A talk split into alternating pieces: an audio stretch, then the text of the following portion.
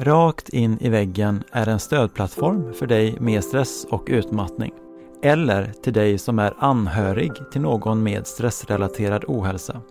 I de här avsnitten som vi kallar för personliga delningspoddar kan du lyssna på människor med stressrelaterad ohälsa som delar sina personliga berättelser. Lite som Sommar och vinterprat i P1 i Sveriges Radio. Prenumerera, recensera och betygsätt oss gärna på vår hemsida, iTunes, Spotify eller i din poddapp så att andra vet att vi finns. Vi önskar dig en givande lyssning och tack för att du lyssnar.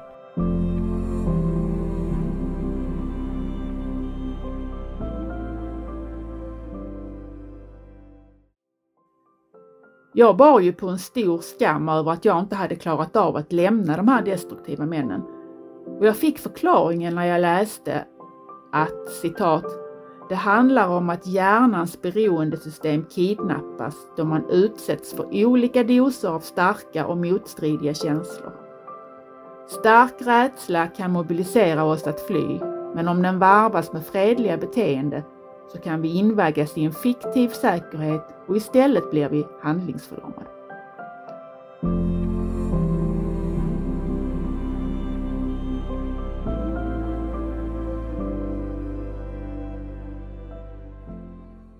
Hej och välkommen till den här stunden tillsammans med mig. Jag heter Elisabeth och i sommar har jag firat att jag blev född för 58 år sedan. Jag har fyra vuxna barn och har den stora äran att tillsammans med fyra härliga barnbarn skapa rollen som mormor. I september kliver jag in i rollen som farmor till ett nytt litet barnbarn. Idag är jag i tillfrisknande från medberoende och anpassningsbar duktig flicka som har levt sitt liv utifrån och in i tankarnas värld. Jag har idag ett härligt liv där jag känner mig själv på insidan jag följer mer och mer mitt hjärtas röst och jag har ett lugnare inre. Jag mår helt enkelt gott inombords mestadels. Jag värdesätter mig själv och är noga med balansen i livet och tar hand om den som är jag. Jag har varit sjukskriven för utmattningssyndrom totalt i två år under två perioder. Första gången i slutet av 2016 och andra gången hösten 2018. Sen fyra år tillbaka arbetar jag heltid som lärare igen på universitetet och håller på att vandra in på en väg som hjärtat viskat om länge. Jag skapar mig ett arbetsliv som holistisk återhämtningsterapeut, livscoach, emotion code healer och reikiutövare. Jag har varit på min andliga utvecklingsresa de senaste sex åren och jag har tagit sju mila kliv över tid från hur det var förut innan utmattningen. Det har varit en smärtsam resa, ibland rent outhärdlig, när jag har öppnat inre dörrar och klivit in för att läka. Men så värt det att ta mig från ett liv i intellektet ner till hjärta och kropp. Ibland har det känts som att jag står still eller går bakåt. Men alla steg framåt, hur små de än må vara, blir till slut ett jättekliv jag har ett holistiskt synsätt på hälsa och vill bidra till andra människors utveckling och välmående. Alla människor har sin väg att vandra och alla har svaren inombords. Men ibland behöver vi någon att hålla i handen eller någon som går bredvid, som visar på olika nycklar som kan leda till svaren och nya vägar. Att hjälpa människor att läkas och helas och utvecklas, det är en stor drivkraft hos mig. Och det är så fint att få vara en del av det. Jag har en förmåga att lyssna in vad människor berättar, hjälpa till att måla upp en större bild, sätta ord på det som inte har fått meningen och plocka ut bitar som kan behöva vändas och vridas på för att sen läggas till rätta eller rent av läggas åt sidan. Idag ska jag berätta vad som har lett till utmattning för mig vad som har varit hjälpsamma nycklar för att läka och hur jag ser på livet idag. Ta med dig det som är hjälpsamt för dig på din inre resa och lämna resten. Men innan jag börjar berätta min historia så vill jag att du, var du än befinner dig, tar ett djupt andetag. Ta det så långt ner i magen som du kan. Håll andan, håll andan och släpp ut genom näsan eller munnen. Checka in med hur du har det i din fysiska kropp. Har du någon spänning någonstans? Någon smärta? Hur talar kroppen till dig idag? Jag känner att jag har lite spänningar i axlarna och lite smärta mellan skulderbladen. Vad känner du? Låt oss skicka lite extra kärlek till de platser i kroppen som behöver det just nu. Bra. Nu tar du ett steg tillbaka och observerar dina tankar. Vad rör sig där uppe i ditt hjärnkontor just nu? Bara observera tankarna. De får vara där de är. Det är hjärnans uppgift att tänka och det är vår uppgift att välja vilka av tankarna vi vill följa med. Svårt, absolut, och kräver träning. Så, hur rör sig tankarna i ditt huvud? Snurrar de runt i snabb takt eller har de en liten paus där inne? Bara observera och låt dem vara. Nu tar vi en titt på känslor som du känner. Har du någon känsla som pockar på? Som skapar obehag eller välbehag? Var känns den i kroppen i så fall? Och hur känns den? Låt den finnas där. Känn den. Sätt ord på den. Och ta sedan ett djupt andetag. In genom näsan och ut genom munnen. Så. Nu ska du få följa med på min utmattningsresa. Hur jag gjorde för att leva och inte bara överleva. Och vad som har hjälpt mig att läka och lära känna den som är jag. Och med det hitta tillbaka till mig själv. Min utmattningsresa började långt före jag ens visste vad utmattning var. Jag brukar säga att jag fick mina fyra barn under mitt 20-tal, mellan jag var 21 till 29.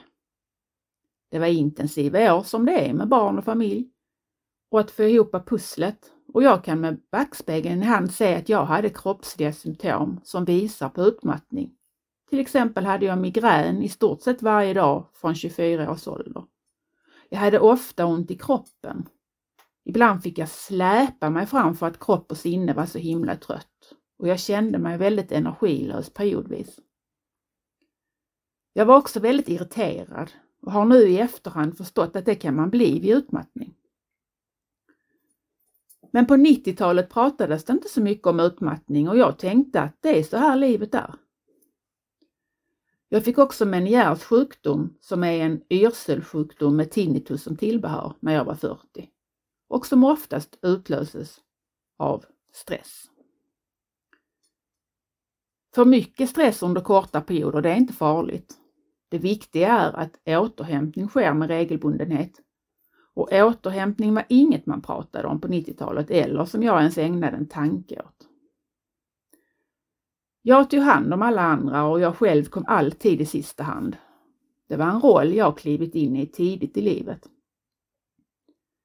Mina behov och gränser hade jag nog aldrig fått plats till att utforska och att säga nej till människor skapade oro i mig för att jag ville inte göra dem besvikna. Jag var en duktig flicka som anpassade mig efter andra människors situationer. Jag hade sedan barnsben antagit rollen som högpresterande, duktig flicka med en prestationsdriven självkänsla. Det var så jag kände mig sedd och älskad. Men när jag inte presterade på topp, då dalade jag och mådde dåligt. Det var bara det att jag var aldrig nöjd. Även om jag gjort mitt allra bästa så fanns det alltid tankar på att ju, det skulle ju kunna bli lite bättre. Och det tog energi. Jag levde mitt huvud i, i mitt huvud där tankarna var min ledstjärna. Och ja, snarare överlevde mitt liv och det var en tankekarusell som var så oerhört tröttande och stressande. Jag trodde jag var mina tankar och jag kunde inte välja att inte följa med de tankar som kom. Kroppens signaler hade jag tidigt i livet stängt av som en överlevnadsstrategi för att anpassa mig till psykisk ohälsa hos förälder. Det fanns liksom inte plats för mitt känsloliv och ingen som kunde möta mig i mitt emotionella kaos som blev, blev på grund av den situationen.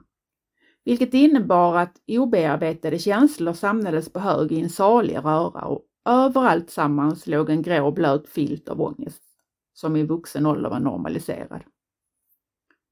Just den här röran av obearbetade känslor som skapar blockeringar och trauman hjälper jag idag människor med genom bland annat Emotion Code. Men mer om det senare. Jag började utbilda mig till lärare när mitt yngsta barn var sex år.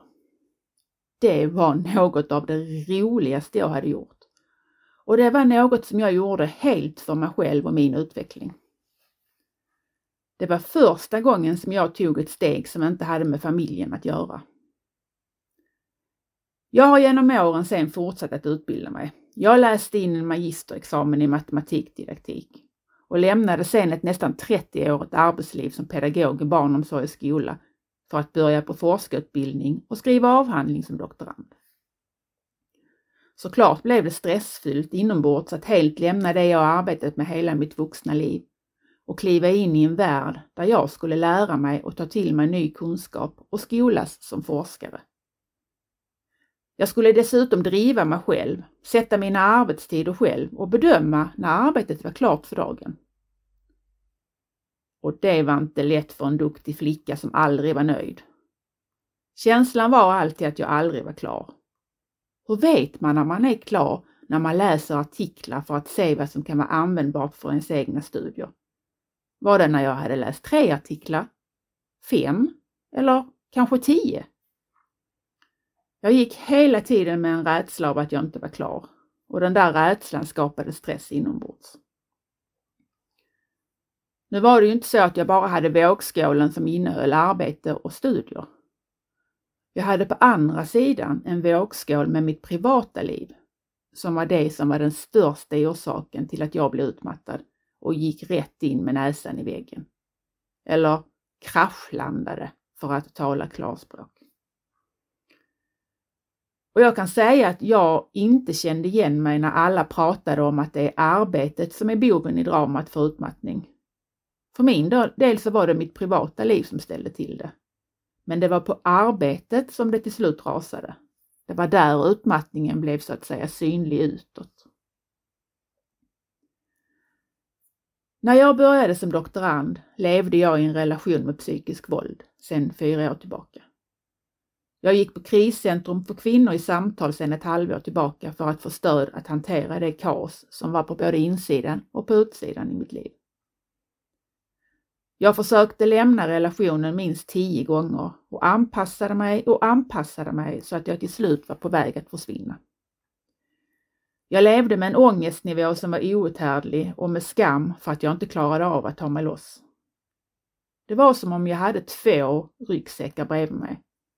Den ena var svart och fylld med det psykiska våldet och all rädsla och ångest som jag bar på. Och den andra ryggsäcken innehöll allt det andra som att klara forskarutbildning och allt det andra övriga i livet.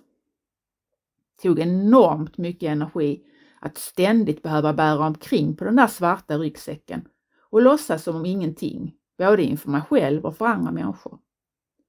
Jag förstod inte mig själv och det var oerhört skamfyllt att leva som jag gjorde.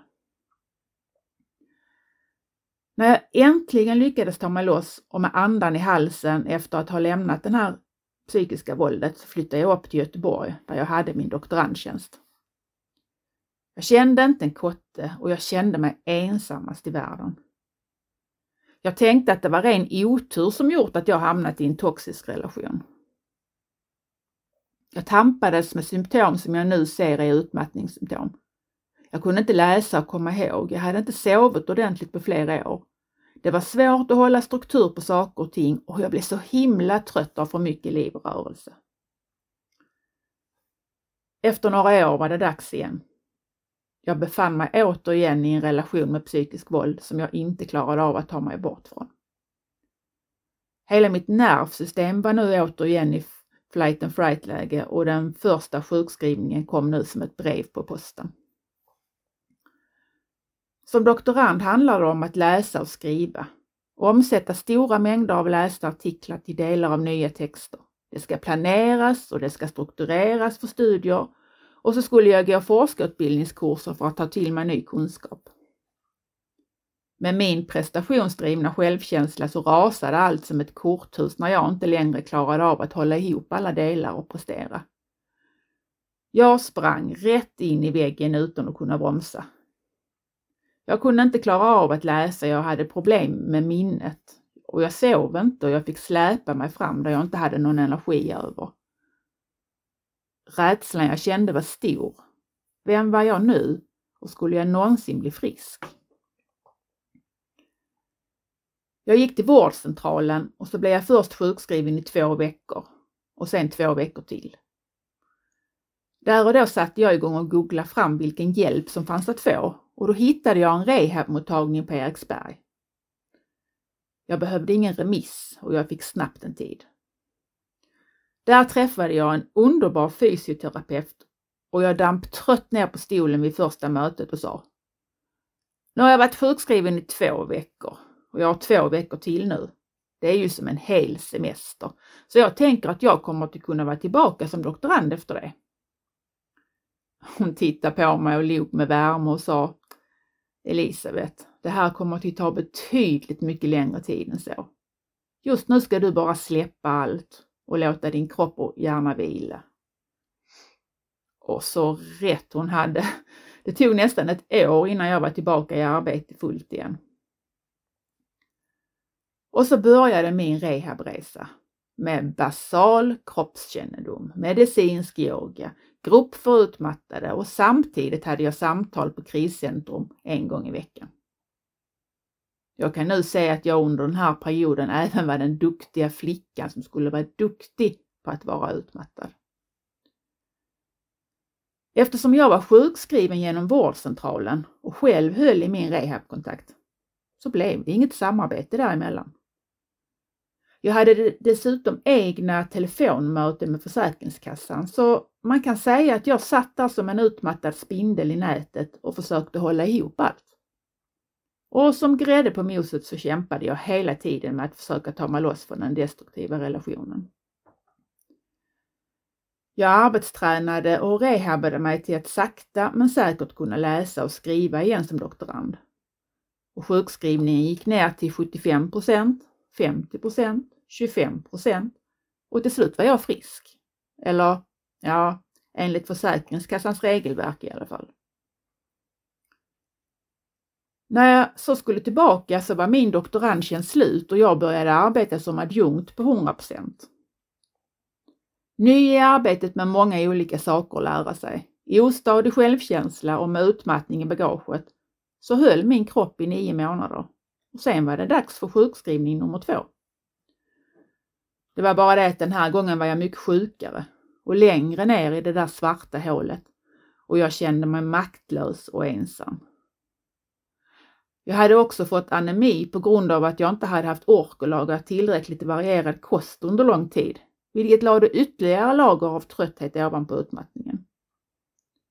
Det visade sig också att jag var deprimerad och det visste jag inte ens om eftersom jag normaliserat ångest och oro som jag kände. Och så kämpade jag fortfarande med att komma ifrån relationer jag inte mådde bra av och gick på kriscentrum. Den här gången kopplades företagshälsovården in. Jag fick psykologkontakt och det var inte jag som höll i trådarna för allt. Jag hade samordnade möten med arbetsgivaren, läkaren, psykologen och Försäkringskassan med jämna mellanrum. Men det var ingen rehab som jag själv hade ordnat vid första utmattningen. Så jag fortsatte min egen rehabsresa på mitt eget sätt och började en kurs i frigörande dans för att få kontakt med min kropp. Jag fick också genom kriscentrum möjlighet att gå i traumaterapi där jag fick pröva på tre eller Tension and Stress Releasing Exercises som skapar möjlighet för kroppen att återhämta sig från stress genom att kroppens muskler slappnar av genom skakningar. Jag kan säga att jag har aldrig känt mig så avslappnad i kroppen förut. Jag började också använda mig av EFT tapping eller emotional freedom teknik för att lugna mitt nervsystem där man tappar, knackar på akupressurpunkter. Och jag började i en kvinnogrupp för kvinnor som levt med våld i nära relationer. Det var också nu som jag började gå självhjälpsgrupp på Solkatten i Göteborg. Och allt detta med en utmattad kropp och hjärna. Ärligt talat, jag förstår så här i efterhand inte hur jag klarade av att ta mig igenom allt sammans. Summan av kardemumman är att jag hade kört på och över mig själv alldeles för länge på alla plan. Och till slut sa kropp och själ stopp. Jag ser nu att kroppen och själen har gett mig både lågmälda och väldigt högljudda signaler genom åren som jag totalt bortsåg ifrån. Jag hade helt enkelt inte den kontakten med min kropp som behövdes. Och tankekarusellen tog alltid över. Jag klarade visst lite till. Bara jag presterade lite bättre.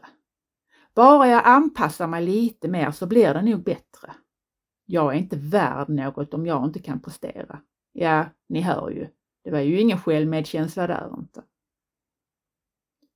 Något som har varit väldigt hjälpsamt för mig i min läkningsprocess är min nyfikenhet och mitt mod som gjort att jag vågat gräva i mina inre trauman och pröva olika saker för att se om det kan bidra till min läkning. Det var också avgörande för min läkning att vända inåt och påbörja min andliga utveckling för att lära känna mig själv på djupet. Jag behövde helt enkelt lära känna mig själv på insidan, acceptera det jag inte kunde förändra och ha tillit till att allt var precis som det ska. Begreppet medberoende var inget som jag satte likhetstecken för i relation till mig själv och utmattningen och den situationen som jag levde i med våld i nära relation. Jag hade tänkt på medberoende i termer av att man levde med en alkoholist eller ett annat missbruk. Att anpassa sig i ett medberoende innebär att anpassa personligheten efter någon annan. Att sätta undan sina egna behov och känslor och ta hand om någon annan på bekostnad av sig själv. Och det var precis det jag hade gjort. Man blir någon annan än sig själv och det är en oerhört stressfull tillvaro. När vi inte kan vara oss själva, vårt autentiska jag, så blir vi stressade inombords. Det är vanligare än vad vi tror att medberoende är en stor orsak till utmattning. Jag hade sedan barnsben med mig en stark känsla av att jag klarar allt som kommer i min väg. Jag löser problem och jag är stark. Jag hade också i mig att jag skulle hjälpa och ta hand om människor. Och det var ju inte förrän jag gått igenom skärselden i den sista relationen och jag till slut blev utmattad som jag insåg att jag behövde vända inåt och titta på mina egna mönster som gjorde att jag överhuvudtaget fann mig i att bli behandlad som jag blev. En bok som var ett stort, stort stöd för mig när jag ville förstå mig själv och hur jag kunde gå in i medberoende, det är psykologen Eva Russ bok Relationspsykopater om farlig och förförisk kärlek. Jag bar ju på en stor skam över att jag inte hade klarat av att lämna de här destruktiva männen och jag fick förklaringen när jag läste att citat det handlar om att hjärnans beroendesystem kidnappas då man utsätts för olika doser av starka och motstridiga känslor. Stark rädsla kan mobilisera oss att fly, men om den varvas med fredliga beteende så kan vi invaggas i en fiktiv säkerhet och istället blir vi handlingsförlamade. Rädsla som varvas med lugna och vänligt sinnade beteende är en vanlig psykiskt nedbrytande metod som bland annat terrorister brukar använda för att hålla sina offer lugna. Slutcitat. Här fick jag förståelse för mig själv och varför jag inte hade klarat av att lämna utan gick tillbaka varje gång trots att det psykiska våldet eskalerade. För mig blev det tydligt att min hjärna kidnappats genom manipulation och mina känslomässiga sår var fullt aktiverade Hjärnan var helt enkelt i överlevnadsläge och kidnappningar av hjärnan gjorde mig handlingsförlamad. I grund och botten är, är det rädsla som ligger som grund för medberoende. Och när vi är i stark rädsla förlorar man sin förmåga att fokusera. Man förminskar och begränsar uppmärksamheten Det är också vanligt att man får tunnelseende och med det ingen överblick av som, vad som sker. Något som Eva Ross skriver är att när vi drabbas av överdriven rädsla överskattar man partners makt och kraft och underskattar sin egen. Och precis så var det för mig. Ett annat citat som blev viktigt för min förståelse var Begreppet medberoende har alltmer kommit i fokus där forskarna inom neurovetenskap har blivit bättre på att förklara varför kloka människors hjärnor kan kidnappas så totalt att de förstör sina liv, sin ekonomi och sina familjer för en dos av drogen. Att få det som just då känns allra viktigast i livet, relationen. Slutcitat. I ett medberoende så utvecklar man alltså en tolerans som hela tiden gör att behovet av den här drogen kärlek ökar. Och när man lever i en dysfunktionell relation så är det som att hoppa på en berg och dalbana. Det är en huller om buller situation med av och på och bortstötning. Och detta skapar en längtan att försöka komma nära trots att relationen är destruktiv. Man har sett att det finns stora likheter mellan relationsberoende och att bli drogberoende och likheterna är stora i det inre tillstånd man går igenom när man, då man genomgår drogavvänjning eller när man försöker bryta en destruktiv relation. I båda fallen kan man känna fysisk och psykisk smärta och ensamhet. Hela kroppen och hjärnans känslosystem blir väldigt stressat och när hela ens inre protesterar mot avvänjningen så är det väldigt vanligt att man inte orkar stå emot. För det gör så himla ont att avstå från relationen och så går man tillbaka. När jag gick tillbaka så lindrade det mitt psykofysiska lidande. Men rent intellektuellt så slog jag på mig själv för att jag inte hade orkat lämna. Jag kan säga att det är det värsta jag någonsin har gått igenom. Medberoende är ett beteende och inte något du är. Och det tänker jag är viktigt att tänka på när jag pratar om mig själv i relation till medberoende. Ett beteende kunde jag bland annat med medvetenhet och träning förändra. Det var inte något som satt fast i mig. När jag är något så känns det som att det är mer inbakat i mig och svårare att få fatt i. Och jag tycker att språket och hur vi talar om psykisk ohälsa är väldigt viktigt. Det gör skillnad vad vi säger. Vi är inte våra sjukdomar och vi är inte vår utmattning. Utmattningen är något som våra beteenden lett till och för mig har det varit viktigt att förändra ohjälpsamma beteende för att skapa ett hållbarare liv. Ett hållbarare liv.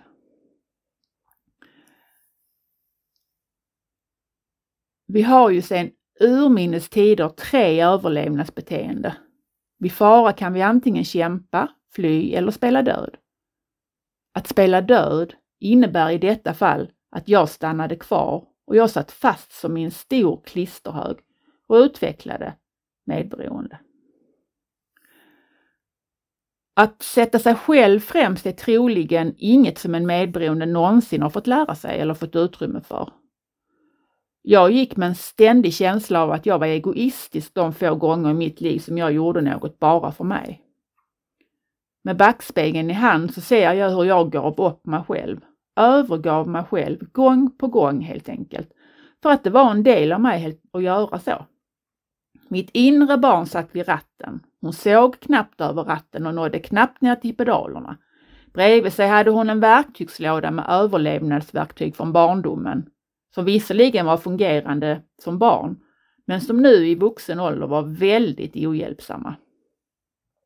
Anpassningsproblematiken är en stor del i det hela. För mig är det avgörande att bli medveten för att kunna göra något åt min situation och med det läka. För att tillfriskna och läka från medberoendet så har jag gjort på många olika sätt. Jag har bland annat utforskat mitt inre, mina behov och vad, vad som känns inombords. Jag har utforskat inneboende rädslor som har gjort att jag har anpassat mig. För det handlar i grund och botten om rädsla för att bli övergiven och inte få tillhöra. En djupt mänsklig rädsla som vi bär med oss sedan vi levde på savannen, där det innebar döden om man inte tillhörde en grupp. Jag har tränat på att säga nej, sätta gränser för andra och för mig själv. Eller snarare på att lita på att mina gränser är okej. Okay. Och sen stå ut med obehaget det innebar inombords när jag satte gränserna. Idag tänker jag att alla människor själv ansvarar för sina egna reaktioner och att det inte är mitt ansvar att ta hand om andras inre värld.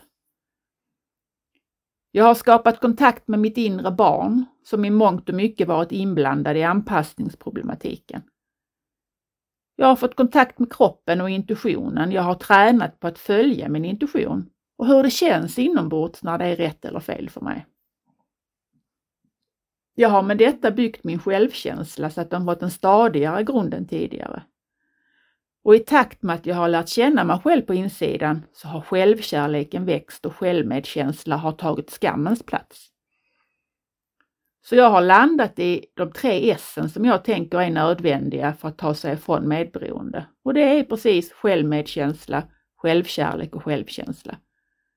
Och det tänker jag att eh, en medberoende behöver lära sig, träna på, stärka och till sist landa i. Jag förstod ju på resans gång att anpassningsproblematiken hade koppling till barndomen, så då skapade jag kontakten med mitt inre barn. Mönster och programmeringar sedan barndomen har stor påverkan på oss i vuxen ålder. För att göra min lilla Elisabeth synlig för mig i mitt arbete så tog jag fram foto på mig själv när jag var liten och så satte jag dem bredvid sängen och i vardagsrummet. Jag åkte till Kreta för att komma bort från situationen och tog med mitt inre barn med mig. Varje kväll vid middagen satt jag med mitt inre barn framför mig vid middagsbordet där jag inombords såg henne. Och så pratade jag med henne och lyssnade in vad hon behövde. Jag klappade och pussade på mig. Jag sa god morgon och god natt varje dag. Och sakta men säkert så växte min kärlek till den där lilla flickan som allt för länge varit ensam och rädd. Jag hade blivit min egen förälder och satt mig vid ratten i mitt eget liv. Jag lärde mig från en podd hur jag kunde ta hand om mitt inre barn när jag behöver det. Först tänkte jag ut vad jag tyckte om att göra som barn och det är att gunga. Jag älskade att gunga när jag var liten.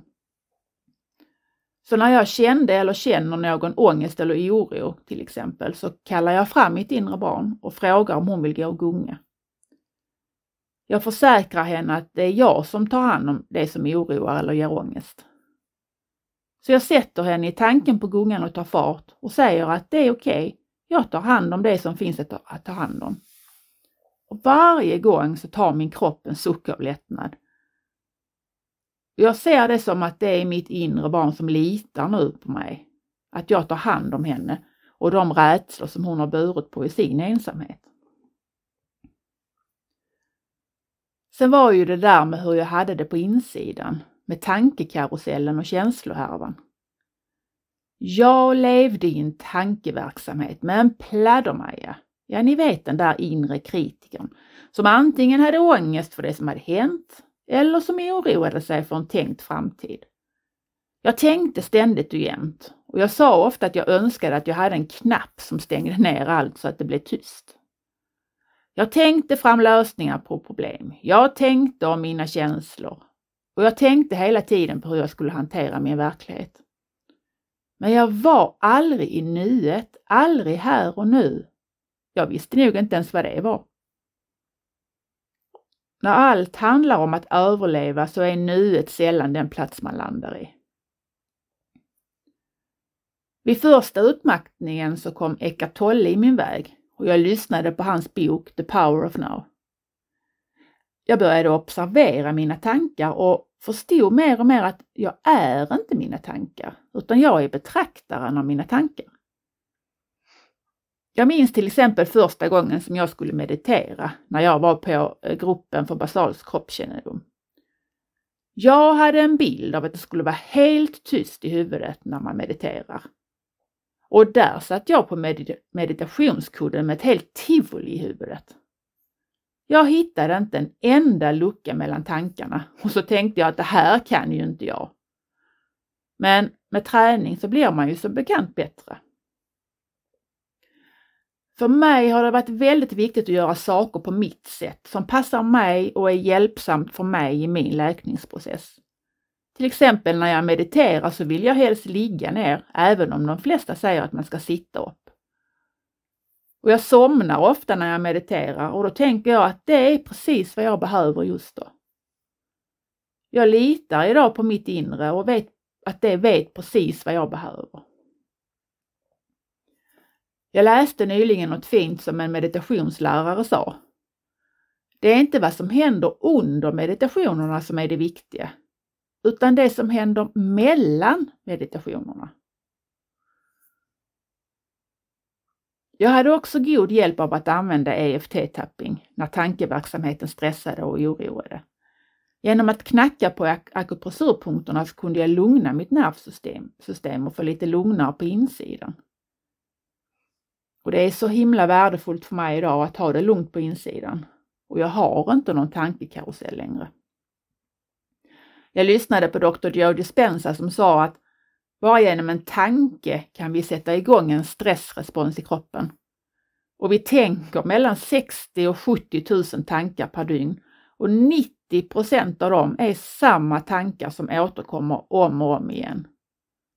Därför var det helt avgörande för mig att sortera bland tankarna, att rensa i min inre trädgård för att få ett lugnare och starkare inre. Känslohärvan då? Vad gjorde jag för att nysta upp den? Ja, något som hjälpte mig väldigt mycket var när jag började i självhjälpsgrupp för kvinnor på Solkatten i Göteborg. Där blev jag lyssnad på och fick ett meningsfullt sammanhang där jag inte kände mig så ensam. Jag fick lyssna på andra kvinnor som hade kontakt med sina känslor, som kunde sätta ord på det som kändes inombords och hur och var känslorna kändes i kroppen. Det var enormt värdefullt för mig i min start att placera känslorna, acceptera och stå ut med känslorna, att hålla känslorna. Eftersom jag tänker mycket i bilder så uppfann jag guldstolen. En tänkt stol där jag bjöd in känslor som skapade oro eller annat obehag. Jag frågade om känslan ville slå sig ner i stolen så kunde jag ta hand om den. Det kunde låta ungefär så här.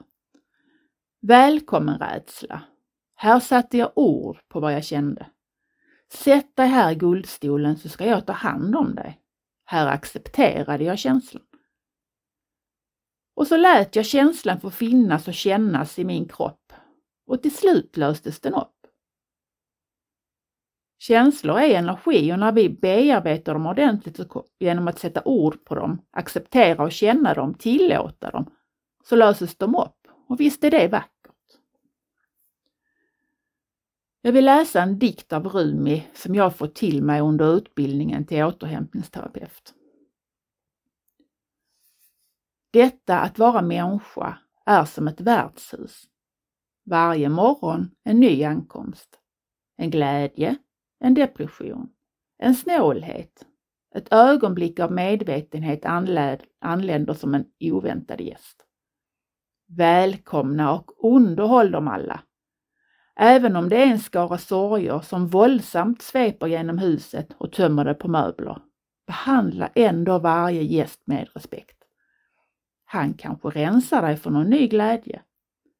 Den mörka tanken, skammen, elakheten. Möt dem alla vid dörren, skrattande och bjud dem att stiga på. Var tacksam för vem som än kommer, för var och en har skickats till dig som en guide från bortom. Och det är ju precis så det är. Vi är människor och vårt inre känslopalett är en av våra ledsagare i livet. Att välkomna och tillåta alla känslor är så himla viktigt. Det är ju de som är vår inre kompass i livet. Det är de som signalerar om något är rätt eller fel för dig. Men för att kunna ta ut kursen behöver vi lära oss att känna in vad de säger och inte låta tanken ta över och börja tolka in vad känslan vill signalera. Vi behöver också låta känslor bearbetas inom oss för att de sen ska kunna lösas upp och inte skapa blockeringar i våra kroppar. För mig räckte det inte att gå och prata med terapeuter om vad jag tänkte om relationen jag var i eller hur jag hade det, utan jag behövde komma djupare ner i kroppen och i mindset för att läka och skala av de traumaband som ledde till de här destruktiva relationerna. När jag fick psykologkontakten vid andra sjukskrivningen så var det dessutom så att det vi pratade om var själva utmattningen och hur jag skulle komma tillbaka till arbetet igen och ingenting om det som var i min privata värld. I min väg kom en kvinna, Melanie Tonja Evans, som har skapat ett djupgående healingprogram för människor som varit i relationer med narcissistiskt personlighetsstörda människor.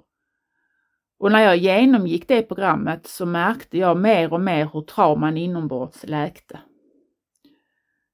Vårt medvetna sinne upptar endast 5% medan vårt undermedvetna är de övriga 95 Och det är där som det finns känsloreaktioner, vanor, automatiska beteende, betingade reaktioner och rutinmässiga tankar och känslor. Det är där de finns.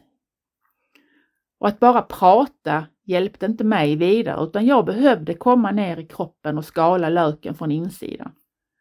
Och det hjälpte healingprogrammet mig med, liksom emotion code och EFT-tapping. Idag hjälper jag klienter med att frigöra instängda känslor med hjälp av emotion code. För två år sedan startade jag mitt företag Release and Heal efter att jag hade certifierat mig som utövare i emotion code. Och emotion code är en energihealingmetod för att frigöra känslor som under livets gång har blivit instängda i vår fysiska kropp. Det sägs att det är en av de mest effektiva healingmetoderna som finns idag för att hjälpa kroppen till självläkning och den är relativt ny i Skandinavien. De här instängda känslorna, det är vad vi vardagligt brukar kalla för vår ryggsäck eller emotionella bagage som vi människor bär med oss genom livet. Min tolkning när jag har läst Eckart Tolle och det han kallar för smärtkropp är att det är samma sak. Det här bagaget kan också bestå av små och stora trauman. Helt enkelt de inre såren som vi bär med oss.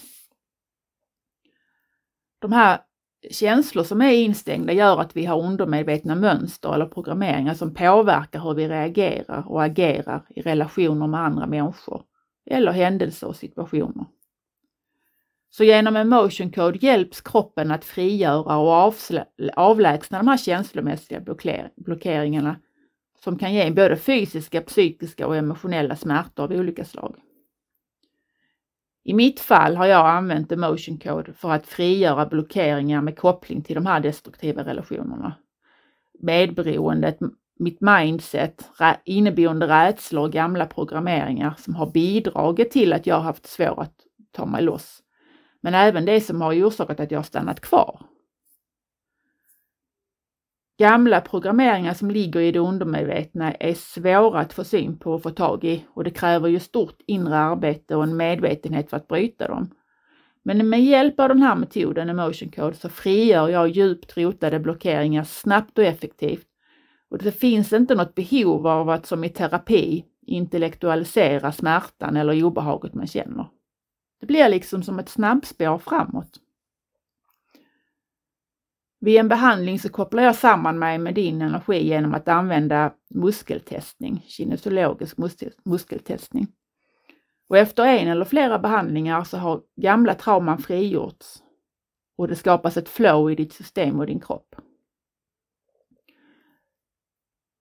Jag brukar tänka på instängda känslor som små appar som vibrerar i olika frekvenser i våra kroppar och som skapar de här omedvetna mönstren hos oss som vi inte medvetet styr över. Och när jag frigör känslor så skapar, skapas det mellanrum och space där, in, där inre begränsningar försvinner och så får man en större emotionell frihet att handla och välja hur man vill hantera det som sker i livet. Och med de här fina resultaten hos mina klienter som jag fått ta del av och hur enkel behandlingen är så är det min förhoppning att fler människor ska upptäcka vad en behandling med emotion code kan göra för välbefinnande och livskvalitet. Jag har blivit, själv blivit väldigt hjälpt av emotion code i mitt arbete med stresshantering och det som jag har behövt läka inombords.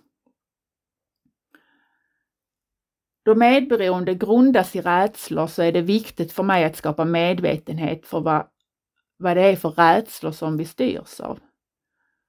Nu under utbildningen så har jag satt ljuset på rädslor som bor inom mig och vilka konsekvenser de rädslorna har fört med sig. Samt vad jag kärleksfullt kan säga till den delen av mig som bär på rädslan. Min första tanke när jag fick uppgiften i utbildningen kom från egots håll. Rädslorna, de har jag ju redan kommit till rätta med i mitt inre arbete de senaste åren. Jag blev lite full i skratt när jag insåg att egot drivs av rädslor och att gräva lite djupare skulle ju innebära att okända rädslor kanske kom i dagen, vilket gör att egot känner sig hotat. Så jag lät tanken vila ett slag. Jag ville inte tvinga fram några tänkta rädslor. Jag ville se vad som dök upp i vardagen och i min kropp. Den första rädslan som dök upp var rädslan att göra fel. Den ligger som en app i mitt undermedvetna och visar sig nu för tiden i vissa situationer och med vissa människor. Men förut var det troligen den rädslan som fanns i den duktiga flickans palett. Rädslan att göra fel är i förlängningen en rädsla för att bli utstött och övergiven. Konsekvensen av den rädslan kan till exempel vara att jag inte litar på att jag kan eller att jag inte duger som jag är. Eller att jag låter bli att göra vad jag kan och hur jag vill göra det. Eller att jag anpassar mig för att inte göra fel. Om jag idag skulle säga något kärleksfullt till mig själv och den rädslan som jag bar på, så hade jag sagt att du gör så gott du kan och det är gott nog. Och vad är det som säger att just du gör fel? Alla människor gör saker på sitt sätt och att göra fel skulle istället kunna vara att du gör saker annorlunda än andra människor. Jag skulle också kärleksfullt säga att jag litar på mig själv, att jag kan. Och skulle jag göra fel, ja, då säger jag förlåt och gör rätt och lär av mitt misstag. Nu har jag berättat om delar av det inre arbete som jag har gjort och gör för att läka och skapa lugn på insidan. Och det är ett pågående arbete. Men återhämtning, att hämta sig själv åter, det innebär så mycket mer. Som utmattade så behöver vi hitta vad vi mår gott av för att återhämta oss. Och det tar tid att lära sig hur vi bäst tar hand om oss själva och hur viktig återhämtningen är varje dag. Återhämtning ser olika ut för var och en av oss. För mig till exempel är det viktigt att det ska vara lätt och inte ta för lång tid för att jag ska kunna få in återhämtning återkommande i min vardag. Jag krånglar inte till det och det är bättre att göra yoga eller ta en promenad i 15 minuter än inte alls. För mig är återhämtning att vandra i naturen, att sätta mig ner vid dammarna och iaktta och lyssna på tofsviporna, strandskatorna, sothönorna, måsarna och gladan.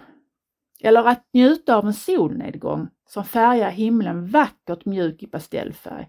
Det gör mig riktigt lycklig i hjärtat.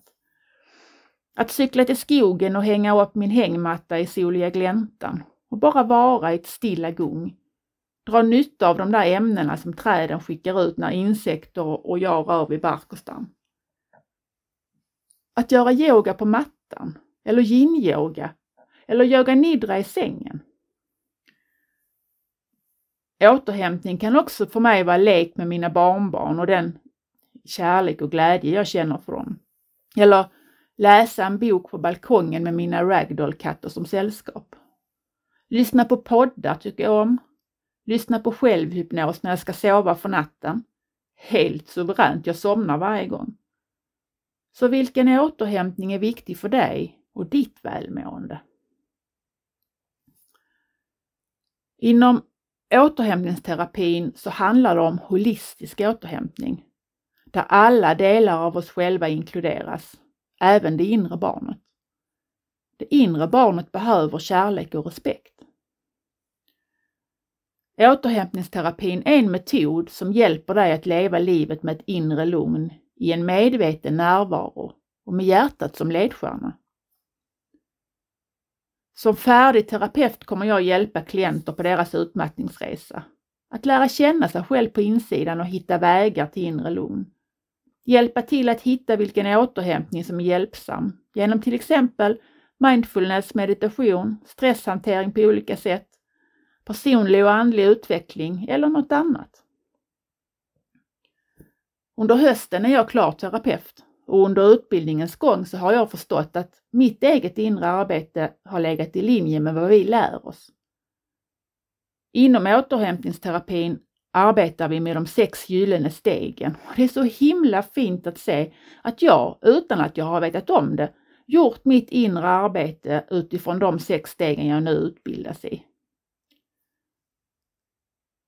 Det första steget är att acceptera det som hänt och kapitulera kring det. Jätteviktigt. Att ta ansvar för det som hänt och ansvar för din läkning. Då tar du makten och är inte ett offer. Att förlåta sig själv och omgivningen för att det blev så här. Att man lär sig lyssna på sin intuition, sin inre röst och följa den. Att man lär känna sig själv både ur ett kroppsligt och ett själsligt perspektiv. Och så det sjätte steget att man låter återhämtningen bli en naturlig del av livet. Jag har själv gjort resan inombords för att hämta mig själv hemåt och jag ser så mycket fram emot att få bidra till andra människors läkande och tillfrisknande. Ett av mina följeord i livet är so within, so without. Det som finns inom mig speglas i min yttre värld. Som exempel, i de två relationerna som jag hade med de här destruktiva männen. Jag talar sanning, jag håller vad jag lovar och jag vill andra människor väl. Det är så jag lever mitt liv, också i de två relationerna. Men det var inte så jag blev behandlad. Fina ord följdes inte upp i handling utan handlingarna var en total motsägelse mot vad som sagts i ord. Lögner bakades in som sanningar så alltså, det var svårt att skilja det ena från det andra. Elaka ord om till exempel min kropp eller om mig som person sades som skämt eller inbakat i någon sorts omtanke. Och jag ser nu att detta var en direkt projektion till hur jag behandlade mig själv inombords. Ja, jag talar sanning i relation till andra människor, men jag har inte varit sann mot mig själv. Jag har tidigare varit så fokuserad på min yttre värld och sett till att ta hand om och uppfylla andra människors behov. Men jag har inte vetat vilka mina egna behov är. Eller rättare sagt, jag har inte sett dem och uppfyllt dem. Jag har allt för ofta inte hållit vad jag har, hållit vad jag har lovat mig själv. Till exempel att jag bestämmer mig för att göra yoga regelbundet för att det känns så gott i kroppen. Och så börjar jag, men så kommer det något som gör att jag slutar och så är jag på ruta ett igen. Eller i relationerna, jag har försökt att lämna otaliga gånger men inte klarat det och så har jag gått tillbaka för att traumabanden var för starka. Jag svek mig själv. Ett engelskt uttryck har kommit för mig i sommar också. Hur viktigt det är show up for yourself. Den insikten har kommit till mig då jag sen den 16 juni när jag började min semester bestämde mig att nu ska jag göra yoga varje dag under sommaren. Och jag har hållit vad jag har lovat mig själv. Och det känns så himla gott i både kropp och i sinne. Mina ord och handlingar är samstämmiga och det är så himla viktigt. Så jag har helt enkelt projicerat ut det jag själv utsatt mig för inombords och med det har jag attraherat in män som har spelat ut det eftersom det är så de är. Så nu för tiden använder jag min omgivning för att se om det är något jag behöver ta en titt på inom mig själv. Ibland är det ju något som inte får fatt i förrän det utspelar sig i vår yttre värld. Helt enkelt för att vi kanske har normaliserat något som finns inom oss. Jag har insett hur viktigt det är att ta sig en titt inombords. Vad min inre pladdermaja eller den självkritiska rösten säger. Ibland som en viskning i bakgrunden och ibland väldigt högljudd. Hon är faktiskt ganska tyst idag. Hon får finnas där i mitt hjärta. Jag tänker att hon är den som drivs av rädslor som bakats in under livets gång. Jag vill avsluta med två saker. Först några ord från en av Björn Natthikos meditationer som har varit mycket hjälp till mig. Du är alltid stor nog. Varje gång du vågar möta dig själv blir du lite starkare, lite större. Och det är nog faktiskt så att det som varit svårt i min livssituation på livets väg har bidragit till att jag har blivit starkare och större än det svåra. Och dimman har alltid skingrats. Vad tänker du om din vandring på livets väg? Och nu, det sista avslutningsvis, som är ett inlägg jag gjorde på min företagssida på Instagram i februari 2022. Jag bläddrar i en dagbok och hittar från nyårsafton 2018 några rader som jag skrivit om året jag lämnade, där jag för andra gången blev sjuk i utmattning och kämpade med fysiska, psykiska och själsliga sår och vad jag ville få in i det nya året. Från min dagbok. Jag väljer att från djupet av mitt hjärta tacka för det jag har lärt mig och vart det har fört mig. Med tacksamhet över 2018 med orden själslig smärta, insikter och pånyttfödelse. I det nya året som kommer 2019, låt mig följa min dröm utan några gränser. Jag hoppas och önskar att jag kan följa ljuset i mitt hjärta med orden kärlek, balans och tillit. Och precis så är det idag. Jag känner mer självkärlek till mig. Kärleken växer med det ut till mina nära och kära. Jag är mer i balans i mig själv och till livets upp och nedgångar. Och tilliten till mig själv och livet växer för varje dag. Hur känner du? Följer du ditt hjärtas ljus? Och med det tackar jag av hela mitt hjärta för att du har tagit dig tid att lyssna. Och hoppas att du har fått med dig hjälpsamma delar som du kan vara hjälpt av. Du är varmt välkommen att kontakta mig på info at releaseandheal.se eller på Instagram erits om du vill anmäla dig som övningsklient i höst när jag är i slutet av min utbildning till återhämtningsterapeut. Eller om du vill veta mer om hur du kan hitta vägar till inre lugn och lära känna dig själv. Som är ett 90 dagars program som jag har skapat där vi tillsammans utforskar delar av vad jag har berättat om idag i kombination med övningar, samtal och frigörande av instängda känslor med hjälp av emotion code. Eller för att se hur jag kan hjälpa dig på din utmattningsresa med stödjande samtal och eller emotion code healing. Ta hand om dig och må så gott. Vill du också medverka i Rakt in i väggens podcast? Besök vår hemsida för mer information på www.raktinivaggen.com medverkan. Om du vill tipsa oss om en poddgäst eller om du har en fråga eller synpunkt på det vi gör kan du alltid mejla oss på podcast raktinivaggen.com för att få svar. Tack för att du lyssnar!